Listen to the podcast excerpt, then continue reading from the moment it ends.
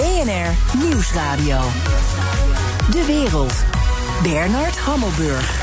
Welkom bij het beste binnenlands programma over het buitenland. Straks, tot vorige week was Huawei een dubieuze indringer in onze telecomwereld. Nu bejubelt Hugo de Jonge de gift van 800.000 mondkapjes. Gebruikt China de coronacrisis als opstapje naar wereldhegemonie? Ik vraag het aan sinoloog Henk Schulte-Noordholt. Maar nu eerst. Bij de bestrijding van de coronacrisis in Nederland staat één ding vast. We willen hier geen Spaanse of Italiaanse toestanden. Want dat betekent dat duizenden mensen sterven en het zorgsysteem overbelast raakt. Maar als we het buitenland mogen geloven, is dat nou juist precies waar Nederland op afstevend. Nederland, en ik heb dat deze namiddag nog gehoord van mijn, eh, mijn Nederlandse collega tijdens een conference call met Europese collega's, die zei toch met een ja, lichte paniek in zijn stem: Nederland zit exact op de curves van Italië en van Spanje. Dus hun strategie van group immunization, ja, dat is toch gebleken dat dat misschien toch niet de juiste keuze was. Nee, dat is inderdaad duidelijk. Dat was de Belgische minister De Croo. En hij had het over onze minister Hoekstra. Ik ga erover praten met Louis Kroes, hoofd medische microbiologie en hoogleraar klinische virologie aan het Leids Universitair Medisch Centrum. Dag meneer Kroes. Goedemiddag, meneer Hammelburg. Deze Belgische minister wrijft nog eens eventjes uh, zout in de wond. Uh, uh, Hoekstra zegt overigens dat hij het helemaal niet zo heeft gezegd. Maar heeft de Kroog gelijk? Is het hier over een week een soort Bergamo? Nou, verschillen in beleid zijn natuurlijk voor politici altijd een lastig verhaal. Dus ik denk dat daar ook dit soort reacties uit voortkomen. Het is toch het idee uh, in brede kring, ook onder de virologen uh, in, in Nederland, dat ons beleid wel degelijk resultaat kan hebben zoals het nu wordt ingezet. En dat we daar niet bezorgd hoeven te zijn dat het niet precies het beleid is zoals in België, Frankrijk bijvoorbeeld wel wordt gevoerd. Voordat we doorgaan over die uh, mediterrane toestanden, als ik ze zo mag noemen, wat is uw eigen betrokkenheid bij de aanpak van het virus? Wij in ons laboratorium in het uh, Leids Universitair Medisch Centrum uh, zijn vooral bezig met het uh, uitvoeren van alle testen waar behoefte aan is. En verder hebben wij natuurlijk ook toenemend te maken met patiënten met deze infectie in ons ziekenhuis en in de regio. En daar moet ook van alles voor geregeld worden, besproken worden. En in niet in de laatste plaats ook onze medewerkers, die verdienen aandacht en lopen soms ook al deze infectie op. Ja, even de, die vergelijking met Spanje en Italië die wordt gemaakt. Uh, er gaan grafiekjes rond waaruit moet blijken dat wij in dodental dezelfde ontwikkeling vertonen. Dus we zouden over twee weken in dezelfde situatie zitten als Italië. Begrijp ik u nu dat u zegt die vergelijking kun je niet maken? Nee, die, die is niet zo, uh, zo mogelijk op om allerlei redenen. Je kan niet zomaar de lijntjes doortrekken. Er gebeurt ook van alles. Uh, wij zijn overigens uh, eerder dan Italië, als je die, ook die, die lijntjes goed bestudeert, begonnen met ingrijpende maatregelen. Daar mogen we al op vertrouwen dat dat toch gaat schelen.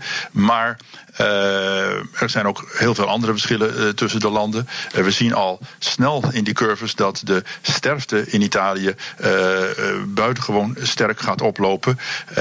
en daar wordt natuurlijk goed naar gekeken.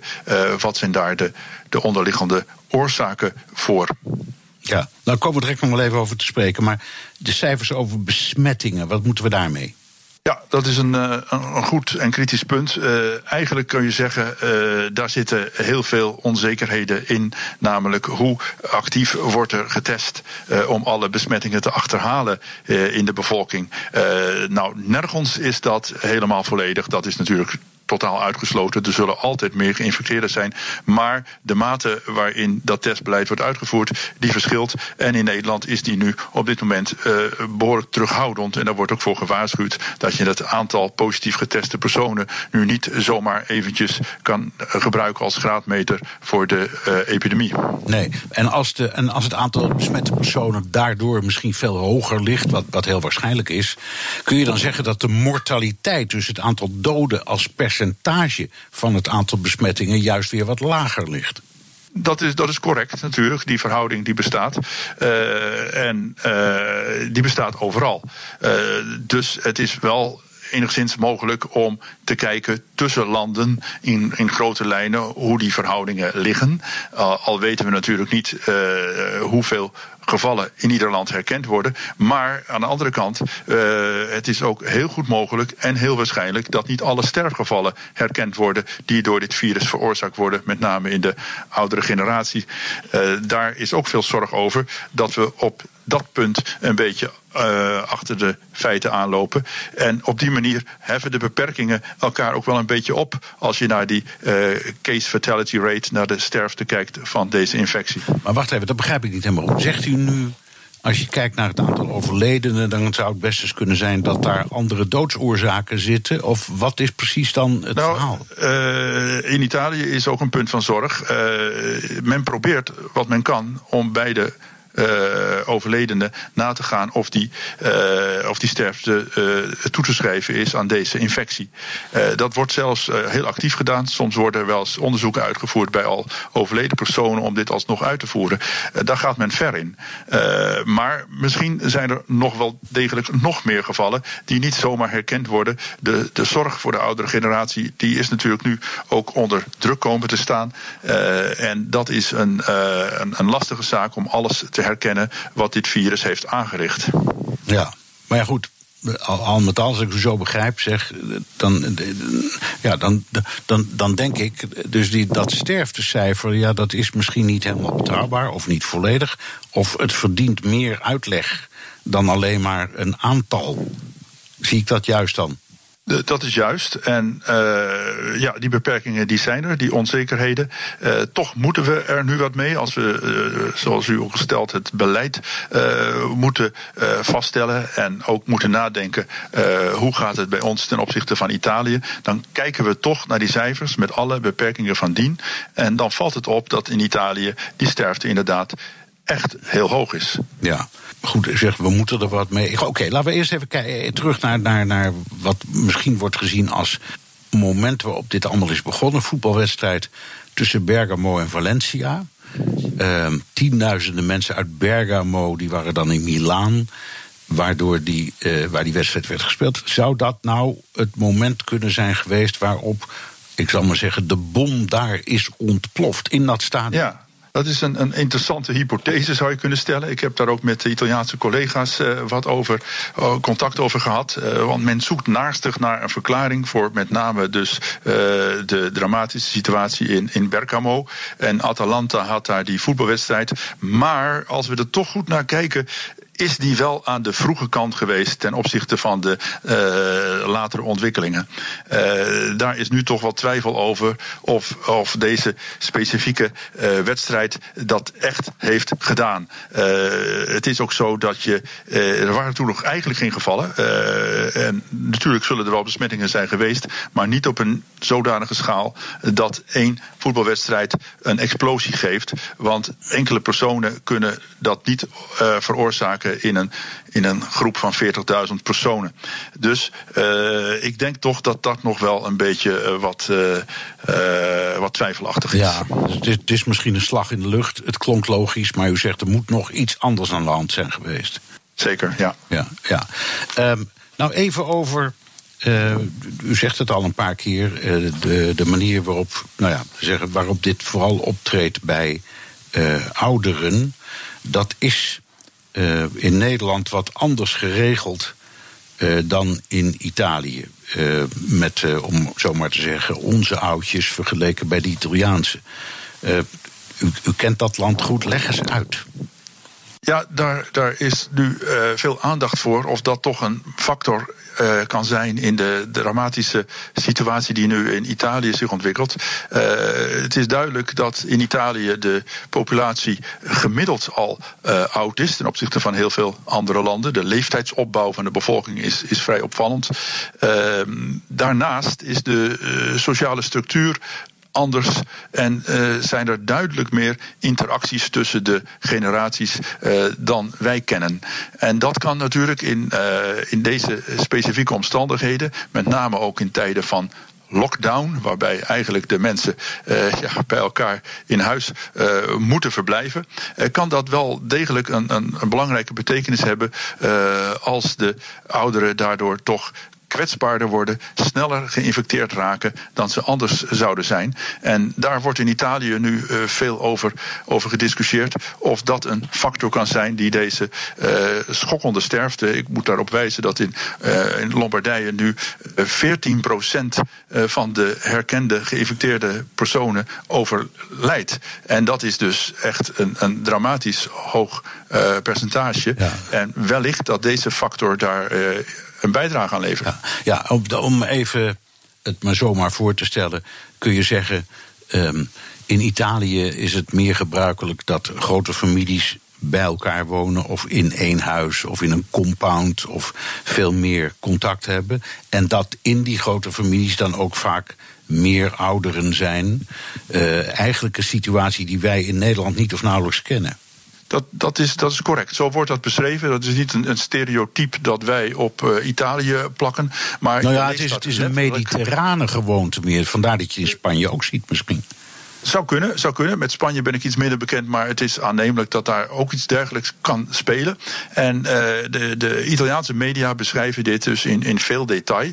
Halen daar ook statistieken bij, waarin ze aanhalen dat uh, personen tot 50 jaar, uh, dat die tot in wel 20 procent uh, nog het huishouden delen uh, met ouders. Uh, dus dat is niet direct met, te, te, vergelijken met wat wij zeggen dat je nog bij je ouders thuis woont.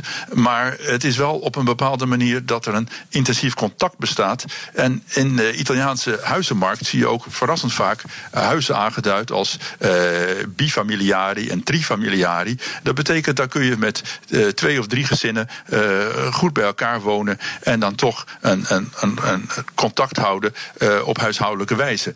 Uh, nou, dat is dus uh, prachtig. En op zich is het heel mooi dat dus die generaties toch zo met elkaar samenleven. en dat de ouderen zo actief betrokken zijn in, in de hele maatschappij. Maar daar kunnen dus wel eens onverwachte risico's uit voortkomen. En dit is in de situatie van, waar ja. je nu zit. Ja, en, en, en is het zo dat ook door de aard van de, de volk, het respect voor ouderen, noem het zoals je het noemen wil.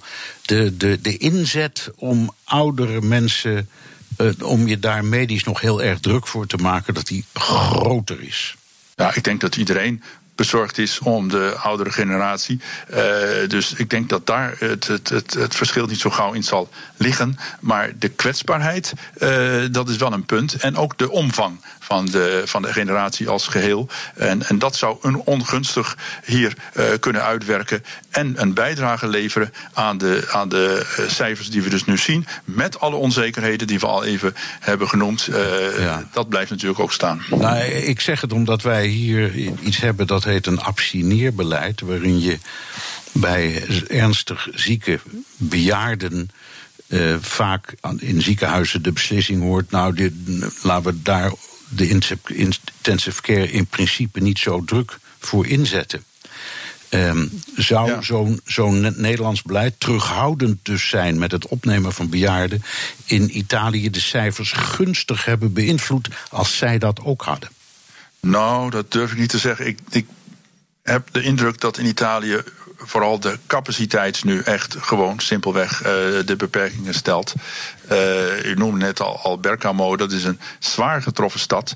Uh, waar gewoon simpelweg de zorg niet meer geboden kan worden zoals men het graag zou willen. En dan, ja, dat, dat overstijgt alle mogelijke opvattingen over het, het beleid wat eventueel gevoerd moet worden bij hoogbejaarden, hoe ver je moet gaan.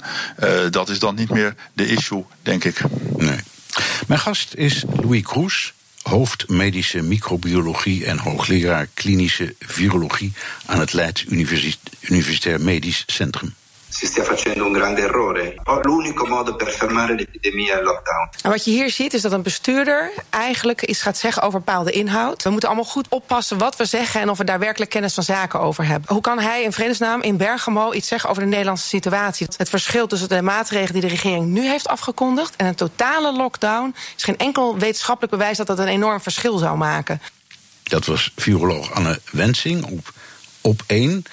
Aan het begin hoorden we uh, al van deze uitzending dat een Belgische minister naar ons sneert. En de burgemeester van Bergamo doet hetzelfde.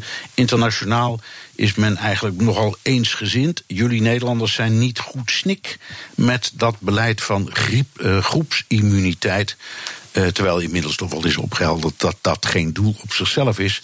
Maar zullen we maar zeggen dat dat gebruik door Rutte van het begrip groepsimmuniteit een miskleun is geweest? Ja, als je daar zo nu achteraf naar kijkt, dan is dat inderdaad toch uh, uh, iets geweest dat tot verwarring heeft geleid. Uh, en zelfs verkeerde opvattingen over wat je nu als beleid zou moeten voeren. dat besmettingen ook nog wel iets gunstigs inhouden. Nou, dat is precies wat we op dit moment natuurlijk niet kunnen gebruiken. Dus inderdaad, dat was op zijn minst onhandig om dat zo prominent naar voren te schuiven als een oplossing voor de nu bestaande crisis. dat kunnen we denk ik wel vaststellen. Ja, en buitenlandse politici die gaan daar op de een of andere manier mee aan de haal. Terwijl je zou zeggen, ja, die zullen zich toch wel wat beter in de materie verdiepen voordat ze zo snel met een oordeel komen. Dat klopt. En daar ben ik het ook volledig eens met mijn uh, collega Anne Wensing. Dat is nog iets anders uh, dan wat nu het beleid betreft. Daarover is toch consensus in het, in het land uh, dat wij hier op een goede manier bezig zijn. En de meerwaarde waar het om gaat van nog verdergaand beleid, inderdaad twijfelachtig is, op zijn minst niet bewezen, zoals mijn collega zegt. Maar uh, zelfs kunnen we veronderstellen dat we daar weinig meer te verwachten hebben als je mensen ook nog waar het eigenlijk om gaat, als je mensen gaat verbieden om ook nog gewoon naar buiten te gaan, om welke reden dan ook. Dat heeft ongelooflijk veel nadelen. Uh, ook de, wij, de, wijze waarop dat uh, beleid uitvoerbaar is, waarop dat vol te houden is, de bureaucratie die het met zich meebrengt en het feit dat je, als je op een verantwoorde wijze naar buiten gaat, kan ik als viroloog rustig zeggen, dan is de kans dat je daar in je eentje een virus oploopt nihil. en zelfs kleiner, zelfs als je dat in, uh, met, met uh, personen uit je huishouden zou doen, kleiner dan een virus op te lopen binnenshuis. Uh, dus we moeten dat niet overdrijven in een richting waarvan je eigenlijk kan zeggen, daar hebben we weinig meer van te verwachten dan alleen nadelen voor de uitvoerbaarheid. Dus als ik met mijn dierbaren op het balkon ga zitten, is dat eigenlijk beter dan wanneer ik binnen zit? Ja, dat is, dat is puur logisch. We hebben hier te maken met een, een overdracht eh, in de vorm van druppeltjeswolken uh, waar het virus in zit. Uh, die kunnen niet zo heel ver komen. Hè. We, we, nemen daarvoor dan 1, anderhalve meter voor de veiligheid. Uh, maar iedereen zal begrijpen dat als ik uh, op, het, uh, op de top van een duin geklommen ben uh, en daar een stevig windje waait, dat dan die viruswolkjes buitengewoon weinig kans hebben om ver te komen. Ja. dus dat klopt ook. In de zomer zien we alle, alle infecties via de luchtwegen minder worden, waarbij een deel van dat effect wordt toegeschreven aan het feit dat mensen simpelweg meer buiten zijn. Ja, nou, er zijn allerlei landen die op de een of andere manier letterlijk hun straatjes schoonvegen. In Wuhan reden er een soort rookmachines door de straten. En u zegt de straat opgaan is helemaal niet uit den boze. Zijn dat nou allemaal ja, symboolhandelingen die ze dan doen? Ja, er zijn allerlei handelingen gaande. En wat u daar beschrijft, dat klinkt wel iets als iets wat betrekkelijk uh, weinig kans heeft om een, uh, een, nuttig effect te hebben in de, deze uh, epidemie. want oppervlakte buiten zomaar ongericht gaan ontsmetten, daar hebben we weinig van te verwachten als het gaat om de wijze waarop deze infectie wordt overgedragen. Ehm, niemand zal met de slijmvlies gauw met de straatstenen in contact komen. En ik denk niet dat dat dus veel zal bijdragen, nog afgezien van de gigantische omvang die dat heeft. Je kan je beter beperken tot uh, wat wij adviseren. Als je in contact komt met enig oppervlak, dat zal zijn met je handen. Uh, hou die handen dus schoon. En wassen vaak als je buiten geweest bent of in welke uh, potentieel besmette omgeving dan ook. Dan moet je daarvoor zorgen dat je niet zelf daar de virussen opveegt en, en binnenbrengt. Maar om de straat a priori al helemaal te gaan schoonspuiten, uh, dat zal geen zinnige bijdrage leveren. Nee. Nou ja, je ziet allerlei varianten. In, in, in sommige landen zie je dan mensen met, uh, met uh, spuiten of met doeken allemaal de deuren langs de muren schoonmaken, weet ik wat allemaal. En u zegt, als je je handen wast, heb je meer effect dan wanneer je dat allemaal doet. Klopt, dat is in ieder geval de meest uh, efficiënte maatregel. Omdat je, als je van oppervlakte een besmetting zou oplopen, dat eigenlijk altijd via je eigen handen gaat, dan kun je beter daarop letten dan al die oppervlakken waar dan ook proberen schoon te houden of te steriliseren. Dat is nagenoeg onbegonnen werk en uh, niet handig om te doen. Oké, even uh, nog een paar dingen die spelen. Die, die woede die bestaat uh, bijvoorbeeld bij onze bestuurders en ook bij heel veel Nederlandse burgers en burgers in het algemeen over de mensen die dan worden beschouwd als asociaal, die zich nergens iets van aantrekken, die gewoon in groepjes bij elkaar komen, de stranden optrekken. Is dat een groot gevaar of niet? Dan moet je natuurlijk een beetje naar kijken uh, welke proportie dat het heeft. En het valt natuurlijk wel op als uh, mensen zich daar onttrekken en je ziet ze plotseling als groepje toch nog ergens uh, samenscholen. dat is storend.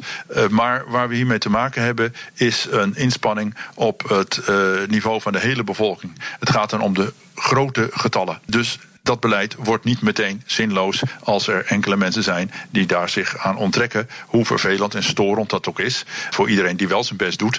Maar het effect dat hangt af van de, de grote getallen, de statistiek. We moeten komen tot een vermindering van de overdracht gemiddeld in de bevolking, uh, waarbij het virus na een besmetting niet weer gemiddeld één besmetting erbij kan krijgen. Uh, als we dat volhouden, dan dooft het namelijk gewoon uit. En waar ligt onze nadruk nu op? Op de capaciteit van de ziekenhuizen of op het aantal doden? Ja, dat hangt duidelijk met elkaar samen. Eh, als je de, uh, de goede zorg wil bieden om zoveel mogelijk sterfte te voorkomen, dan zal er capaciteit moeten zijn in de ziekenhuizen. Uh, juist om uh, dat goed te kunnen afhandelen wat zich aandient, moet je dat spreiden in de tijd. Nou, dat is breed doorgedrongen dat dat een heel belangrijk doel is waar iedereen ook voor gaat. dus ik denk dat dat met elkaar samenvalt. Ja, en dan tenslotte iets wat over Donald Trump zijn stelling. Uh, je moet het medicijn niet erger maken dan de kwaal. Dus er komt een moment waarop het misschien allemaal nog niet over is, maar waarop wij bijvoorbeeld Amerika gewoon weer open moeten zetten. Uh, en dat leidt dan tot wat meer slachtoffers, maar uh, nog een, een, een in elkaar stortende economie is nog erger. Heeft hij een punt? Nou, uh, dat laatste, dat is gewoon iets aan te tonen. Uh, welke slachtoffers maakt die instortende economie dan wel precies? Uh, als, als dat zo zou zijn, en als je dat op een aannemelijke wijze naar voren kan brengen, ja, dan zou je een punt hebben. Het is alleen zo dat er nog helemaal geen aanwijzingen voor zijn wat nu de economie aan slachtoffers aanricht. In in tegenstelling tot wat de epidemie doet. Uh, want dat zijn overtuigende aantallen die we, die we dus kunnen uit, meten. Uit, dat, ja, dat zou, ja, maar hij bedoelt, hij bedoelt, goed zien. Hij bedoelt misschien ook, zelfs als de epidemie nog behoorlijk toeslaat, dan is dat een prijs die je maar moet aanvaarden. Op een moment moet je zeggen: het gaat toch wel weer over. Dus we zetten de economie weer aan in de wetenschap dat er mensen gaan overlijden, gewoon nog aan de epidemie. Nou, dan ga je natuurlijk nog een hele stap verder. En ik hoop dat de adviseurs uh, van, van Donald Trump, uh, die behoorlijk actief zijn om toch op te letten wat er nu precies gebeurt, dat die ervoor zorgen dat deze woorden niet zomaar worden omgezet in daden. En we hebben daar vertrouwen in. Anthony Fauci, de belangrijkste adviserende viroloog, is een ervaren man die ook rustig stelt. Ja, ik moet helaas toch wel vrij vaak corrigeren, maar uh, dat, ja. uh, dat doe ik wel. Oké, okay, maar Trump blijft zeggen: tegen Pasen gaat gewoon weer open. Ondanks, uh, dat is een andere zaak. De, ja. de, de planning in de tijd die hij dan naar voren schuift, ja, die is ook wat aan de opmerkelijke kant. Uh, dat lijkt uh, nagenoeg kans die nog nagenoeg nihil is, dat het op die termijn allemaal weer genormaliseerd zou kunnen worden. dus dat is ook iets wat een beetje voor zijn rekening komt. En ik denk dat het oppas is met veel van deze concrete uitspraken te doen, die later toch blijken niet te kloppen. dat gaat op de duur ook wel tegen je werken, misschien zelfs in zijn positie. Nou, dat zou wat zijn. Dank. Louis Kroes, hoofd medische microbiologie en hoogleraar klinische virologie van het Leids Universitair Medisch Centrum. BNR Nieuwsradio. De wereld. Bernard Hammelburg. Restaurants die open zijn en kinderen die gewoon naar school gaan. Dat is Zweden. En helemaal aan de andere kant van de Europese Unie ligt Griekenland. Een land dat zich net aan de laatste economische crisis leek te ontworstelen. En nu in de volgende wordt gestort. Europa-verslaggever Jes Spinster. De verschillen tussen deze twee landen zijn gigantisch als we kijken naar de impact die het coronavirus heeft. Ja, terwijl het ook interessant is om de overeenkomst eerst eventjes uh, naast elkaar te leggen. Want het zijn twee landen die eigenlijk ongeveer evenveel inwoners hebben. Zo iets meer dan 10 miljoen. Maar daar houdt het inderdaad wel een beetje op. Uh, als ik de laatste cijfers erbij pak van het aantal coronagevallen in Zweden... dan is dat 2200 met 36 doden. En in Griekenland is het slechts 8 120 gevallen en 22 doden. Daar is altijd natuurlijk de kanttekening bij dat het heel erg afhankelijk is van hoeveel je test. En in Griekenland wordt er eigenlijk niet zoveel getest. Een beetje vergelijkbaar met Nederland wat dat betreft. Maar inderdaad, je stipt het aan, die reacties van de overheid en, en de gevolgen voor die landen, die, ja, die zijn eigenlijk uh, behoorlijk extreem inderdaad. Ja, laten we bij Zweden beginnen. Wat mag daar allemaal nog wel? Daar gaan in ieder geval kinderen tot 16 gewoon nog naar school. De universiteiten, hogescholen zijn dan wel dicht. Restaurants zijn gewoon open. Daar hebben ze wel het advies gegeven van... doe alleen mensen uh, bedienen die aan tafeltjes gaan zitten. Dus je gaat niet aan de bar eten. Dat hebben ze dan wel uh, ingesteld. Uh, er is een verbod op grote bijeenkomsten... maar dat is dan ook echt groot. Want ze beginnen pas te tellen bij 500 mensen of meer. Nou ja, openbaar vervoer zit gewoon vol. Ze hebben wel gezegd, werk thuis. Maar dat lijkt niet heel erg aan aan te komen. Terrassen zitten nog vrij vol.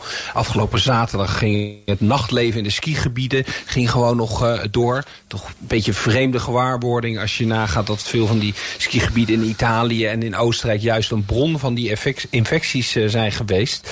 Ja, dus is natuurlijk ook wel in Zweden ook wel kritiek van die epidemiologen. Blijft een woord waar ik een beetje over struikel. Um, ik ja, ook, Jesse.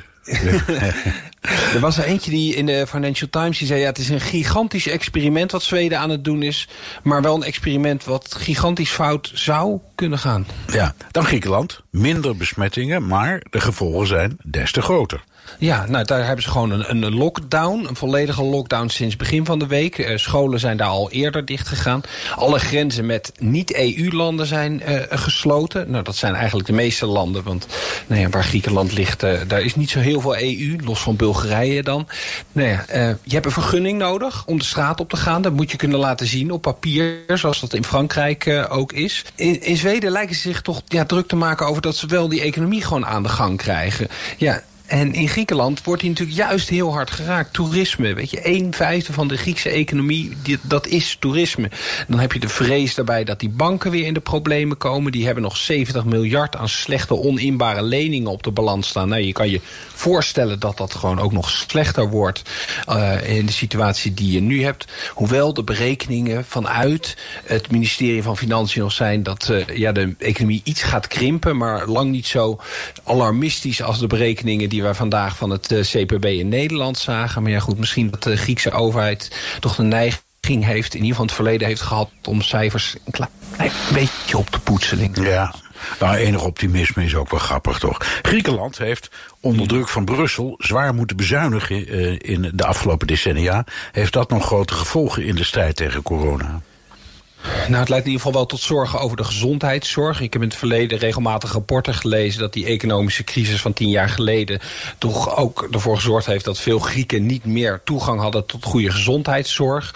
Nu is er vooral kritiek uh, in, uh, de, op de regering in Athene... dat ze veel geld aan dure privé klinieken geven... maar dat de publieke ziekenhuizen eigenlijk relatief weinig krijgen. En daarnaast heb je, de, waar al meer over bericht is... natuurlijk de vluchtelingenkampen, Moria in Lesbos... waar gewoon nou ja, bijna 20.000 mensen op een, in een kamp zitten... wat voor een paar duizend mensen bedoeld is. Ja, social distancing dat, dat zit er daar natuurlijk niet in. Dus ook het Europees parlement zegt daarvan... haal die mensen daar nou gewoon weg. Maar de Griekse regering is vooral bezig om die mensen daar op te sluiten... en ze niet eruit te laten komen. Nee, en in die kampen haal je net die anderhalve meter niet. Dankjewel, Europa-verslaggever Jesse Pinster. De Donald Show. Dan is weer tijd voor een update uit de United States of Trump... met onze correspondent in Washington, Jan Postma. Jan, bij elke persconferentie die Trump geeft, ik vind het een beetje de Muppet Show aan het worden trouwens, wordt gespannen gekeken of Dr. Fauci ook op het podium staat. Waarom is dat? Nou ja, die Fauci, dat is eh, de corona-expert van, van het Corona Taskforce van het Witte Huis. En hij is, ja, je zou hem kunnen zeggen, hij is een beetje de Jaap van Dissel, de RIVM-baas van Amerika. En hij is dat al sinds de jaren tachtig. Hij heeft een enorme staat van dienst. Elke president sinds Reagan luisterde naar Fauci. En hij is ook een man die, die voorzichtig tegen Trump ingaat als die dingen zegt die niet kloppen. Hij, uh, hij doet het dus voorzichtig, maar hij wijst de president wel terecht, terwijl Trump dan naast hem staat. Dus dat is wel bijzonder. Uh, hier bijvoorbeeld heeft Trump net verteld dat de, de tekorten van gezichtsbeschermers echt wel meevallen. Nou, een verslaggever vraagt hem daarna, uh, uh, vertelt hem daarna dat hij echt wel berichten daarvan krijgt van doktoren, dat dat toch echt anders zit. En dan zegt Fauci dit. It's a serious issue. We don't want that to happen. But it is happening. You're not making things up. I, I know that because I'm experiencing myself. Nou, en hij gaat daarna dan nog even door over uh, alle andere manieren waarop dit opgelost kan worden. En zo doet hij dat ook bijvoorbeeld met uh, de, potentiële medicijnen die Trump aandraagt als oplossing voor de crisis. En, en Trumps wens om met uh, Pasen de economie weer open te gooien. Hij heeft steeds een gepast antwoord en daar komt dan een heel lang antwoord achteraan, waardoor het allemaal zo een beetje gesust wordt. En over dat laatste werd Trump ook gevraagd over die economie. Wat, wat vindt Fauci daar nou van? Vindt hij ook dat we met Pasen de winkels weer open moeten gooien? Nou ja, we weten dat hij daar kritisch op is natuurlijk. En Trumps antwoord is veelzeggend. Does, does he agree with you about the need to reopen the economy soon? Well, he doesn't uh, not agree. I mean, we had a long talk. He doesn't not agree, zegt hij. Dus uh, je weet dan, daar is het laatste woord nog niet over gezegd. Nee, maar Trump houdt er niet van om te worden tegengesproken. De New York Times schrijft dat Trump mogelijk zijn geduld verliest met deze dokter Fauci. Ja, Trump uh, zou zich nu nog inhouden, omdat hij Fauci ook nodig heeft, dat weet hij ook. Maar uh, Trump zou niet blij zijn met uh, ja, bijvoorbeeld al, al die media-optredens die Fauci nu maakt. Hij is zelf ook een beetje een, een ster aan het worden, die Fauci natuurlijk. En daar houdt Trump niet zo van. Ja, en, en, er is een momentje dat is viral gegaan. Dat heb je vast ook gezien. Bernard Trump die maakt een grapje over het uh, State Department. Dat noemt hij dan het Deep State Department. En je ziet dan Fauci achter Trump op het podium. En eerst even een beetje verbijsterd kijken. Dan met een klein lachje uh, verbergt hij zich achter zijn hand. Zo van, oh, hij zegt dit toch niet. Maar ja, Trump zegt dat. En uh, ja, dat, dat, had hij heel veel aandacht kreeg dit. En het was ook wel opvallend bij een grote Fox News corona-uitzending. Was iedereen er, behalve Fauci. Maar Trump zegt ook, het is een goede vent. En hij heeft hem dus ook een tv-ster genoemd. Dat was een compliment. Dus ja, wat hij echt van die foutje vindt, dat blijft nog even gissen. Nou, even de, de, de pro-Trump-media. Die, die, weten ook niet precies wat ze met die, van die foutje moeten vinden, hè? Dat is wel opvallend hoor, Bernard. Want er is echt waardering voor deze man. Hij is natuurlijk ook apolitiek. Hè. Wat ik zei, hij heeft voor, voor elke president uh, sinds Reagan heeft hij gewerkt. Uh, maar er is ook wel wat kritiek op hem. Uh, dit, dit, is bijvoorbeeld op Fox News. je hoort eerst een citaat van Fauci zelf... en daarna de opiniemaker, een Brit, die daar zijn mening over geeft. I like it when people are thinking I'm overreacting. Because that means we're doing it just right. Well, that's easy for him to say. He'll still have a job at the end of this, whatever happens. Our ruling class and their TV mouthpieces whipping up fear over this virus, they can afford an indefinite shutdown. Working Americans can't. They'll be crushed by it. En het wordt toch interessant om te zien hoe Trump met Fauci om zal gaan. Maar ook welke kant Fox News en ook die wat meer alternatieve rechtse, ja, zeg maar de MAGA-media, wat die gaan kiezen. Want dat zou grote invloed kunnen hebben op wat Trump gaat besluiten over corona. Of zij de kant van Fauci kiezen of toch de kant van Trump. Dankjewel. Jan Postma, onze correspondent in Washington. En wilt u meer horen over dat fascinerende land? Luister dan naar de Amerika-podcast van Jan en mij. De wereld. De coronapandemie ontstond op een markt in het Chinese Wuhan. Maar terwijl het leven daar langzaam wordt hervat, gaan vliegtuigen vol mondkapjes en beademingsapparatuur van China naar het westen. China has sent a special medical team to Italy. It comes after China's foreign minister told his Italian counterpart that Beijing stood ready to help. We will first assess the situation when we get there. We'll also guide work for critical patients in the ICU. Since the outbreak happened, I already got my luggage ready, but I'm now more ready than ever to help. Ik ga erover praten met Henk Schulte-Noordholt, sinoloog en auteur van onder andere China en de Barbaren. Dag Henk. Dag Bernard. Klinkt vriendelijk, die hulp van de Chinezen, maar uh, Borrell, buitenlandchef van de Europese Unie, ziet het als agressief de boodschap opdringen dat China in tegenstelling tot de VS een verantwoordelijk en betrouwbare partner is. Is het inderdaad allemaal een sluw spelletje dat ze spelen? Ja, zeker. En er valt natuurlijk ook heel veel goed te maken wat de reputatie van China betreft. Een grote smet op het blazoen door uh, hoe die crisis in het begin is behandeld. Namelijk verzwegen, drie weken lang eigenlijk, door de lokale autoriteiten. Waardoor al die ellende ontstaan is later. Ja. Enorme smet op het blazoen, dus dat willen ze goed maken. En dan wordt natuurlijk onmiddellijk een geopolitieke politieke context aan gegeven. Door wat jij net zei, hè, de VS die doet dat niet, maar wij zijn de weldoener en, en uh, helpen andere landen, waaronder Europa. Ja, um, en wat willen ze dan bereiken? Uh, vragen ze iets terug ervoor? Nou ja, het is eigenlijk onderdeel van waar ze al jaren mee bezig zijn. Een groot soft power initiatief, propaganda. Um, daar zit ook, ook een economische component aan. Bijvoorbeeld in Nederland las ik, heeft via Huawei hebben ze allemaal mondkapjes en andere apparatuur geleverd. Dat is natuurlijk, wordt ook, dat kun je ook natuurlijk zien in de discussie die nu woedt in Nederland. We moeten via Huawei wel apparatuur bestellen voor die 5G-generatie.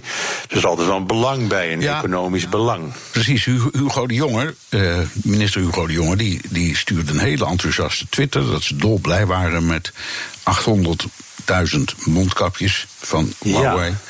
Um, en dan denk je, ja, er ligt dus volgend jaar een 5G-netwerk van Huawei in Nederland. Ja. Nee, precies. Dat is in economisch belang. Maar het is ook om China neer te zetten als een soort, laat ik zeggen, weldoener. Iemand die altruïstisch is, die, uh, die het goed voor heeft met de hele wereld. In tegenstelling tot de Amerikanen. Dat zit eraan, dat aspect. En ook de zegeningen van de eenpartijstaat. Want kijk nou hoe ze het in Amerika aanpast. Dat is ook alweer een leuk contrast. Al het gedoe daar, gehannes tussen de federale overheid en de staten. China, een krachtig centraal geleid land kan enorme middelen mobiliseren, de burgers in het gelid krijgen. Dat is toch wat je in, in democratische landen, liberale landen niet ziet gebeuren. Nee. Dus dat contrast, dat zetten ze ook graag neer. Dat zetten ze ook graag neer. Ja, ze kunnen ook in zes dagen een ziekenhuis bouwen. Ja. Dat zou bij ons ook niet kunnen. Ja. Nee. Uh, hoe komt overigens Huawei, die vraagt, ik zit daar steeds, hoe komen die aan 800.000 mondkapjes? Want het is een elektronica bedrijf. Ja, maar dat kun je natuurlijk voor onderling regelen in China. Ik weet niet precies hoe in dit geval gegaan is. Maar uh, dat, dat wordt allemaal centraal geleid uh, in China door, door bepaalde ministeries. En uh, ja, verschillende partijen delen het dan uit in waar dat opportun is. Ja.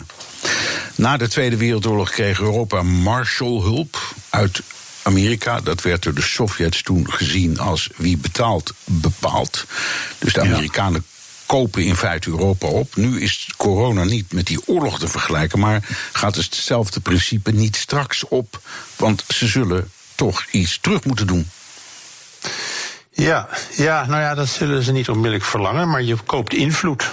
Dat is eigenlijk het belangrijkste. Het is niet uh, boter bij de vis. Jullie krijgen dit, dat is dat. Overigens heeft geloof ik mevrouw Merkel wel gezegd in de EU... ja, het is gewoon reciprociteit. Hè? Want in die beginfase heeft de EU ook uh, hulp aangeboden aan China. Dus die, zeggen gewoon, het is een quid pro quo verhaal. We zijn helemaal niet, staan niet helemaal krijt bij, bij China. Laat staan dat we hun model aanhangen. Maar voor de Chinezen, het wordt vaak als cliché gezegd, ze denken ook lange termijn. Maar dat is ook wel zo. Als je door dit soort acties gewoon de, de, de, de ja, de, die imago voor China kunt oppoetsen. En ook bij de beleidsmakers, hè, Hugo de Jonge noemde jij net. Die staat toch wel een beetje te, blij te, te klappen langs de zijlijn. Wat heet? De Italiaanse minister van Buitenlandse Zaken. Want daar richten ze een grootste hulpprogramma op. Ook wel heel slim natuurlijk. A, omdat Italië zo hard getroffen is. Maar B, omdat Italië ook het enige land is in West-Europa. dat die nieuwe zijderoute heeft omarmd. Ja. Dus daar kunnen ze hun invloed nou weer verder vergroten. En ja. in de, tussen de EU-staten drijven. Ja.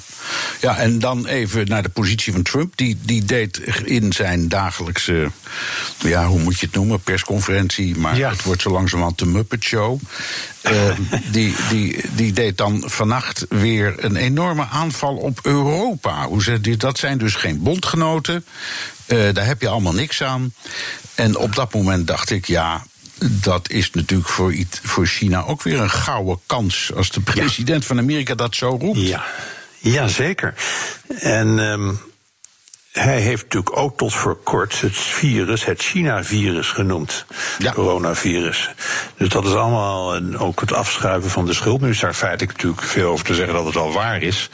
Want het is in Wuhan ontstaan op die, op die, uh, op die dierenmarkten, zeg maar. Maar om dat zo uitgesproken te benoemen, dat is natuurlijk toch een affront voor die Chinezen. Ja. En nu die ook Europa gaat aanvallen, ja, het is natuurlijk een heel, heel makkelijk inkoppen voor de Chinezen. Ja, nou, ik snap zijn positie wel. Hij weet dat Amerika nu het epicentrum aan het worden is, zeker New York City. Dus uh, hij, dat is dit typisch Trump. Het komt altijd uh, door een ander. Um, ja. En dat, dat, ja, dat, dat Chinese virus, dat, dat geeft hij ook toe. Dat heeft wel een tot een probleem geleid. Want er worden nu allemaal Amerikaanse Chinezen, dus mensen die daar geboren getogen zijn, die worden nu plotseling lastiggevallen. Daar heeft hij zich dan weer over uitgesproken. Niettemin Um, door dat steeds maar te doen, hè, daarop te hameren op mhm. dat uh, Chinese virus. Je kunt zeggen misschien dat hij bij zijn eigen kiezers wat scoort. Maar uiteindelijk komen de, de, de Chinezen daar toch sterker uit. Ik denk het ook. Om, op geopolitieke wijze. En Amerika isoleert zich op die manier. Toch, toch, zijn ze duidelijk geïrriteerd in China over dit soort uitspraken. Je ziet nu ook dat Chinese diplomaten uh, gaan twitteren. En zelfs de woordvoerder van Buitenlandse Zaken van het Chinese ministerie van Buitenlandse Zaken, die zegt ja, eigenlijk is het, is twijfelachtig of het virus überhaupt wel in China is ontstaan. Er zijn dus complottheorieën dat de Amerikanen dat daar gepland zouden hebben. Via een soort sportuitwisseling eind vorig jaar. Dus wat je ook ziet in het grotere plaatje, dat, dat die, die ontkoppeling eigenlijk, hè, die tussen Amerika en China al zich plaatsvinden op economisch gebied. Denk even aan die handelsoorlog, het opbreken van die supply chains dat, dat wordt alleen maar versterkt, dat effect. Er is ook heel weinig tot geen samenwerking meer om deze epidemie te bestrijden. Wat je bij die ebola-crisis nog wel zag, dat die epidemie in 2014, dat is nu ook losgelaten. Het wordt puur politiek en puur in de verwijtensfeer wordt, wordt dit uh, uitgevochten. Dat is natuurlijk heel vervelend en ook heel schadelijk. Ja. Nu heeft China ook nog, ook nog uh, een aantal journalisten van prominente media, Wall Street Journal, New York Times, Washington Post, ja. ze het land uitgegooid. Ja. Uh, nou had Amerika het eerst andersom gedaan, dat weet ik ook wel. Niettemin, um, ja, dit is lijkt mij toch het domste moment om dat soort dingen te doen. Waarom doet China dat nu, juist nu?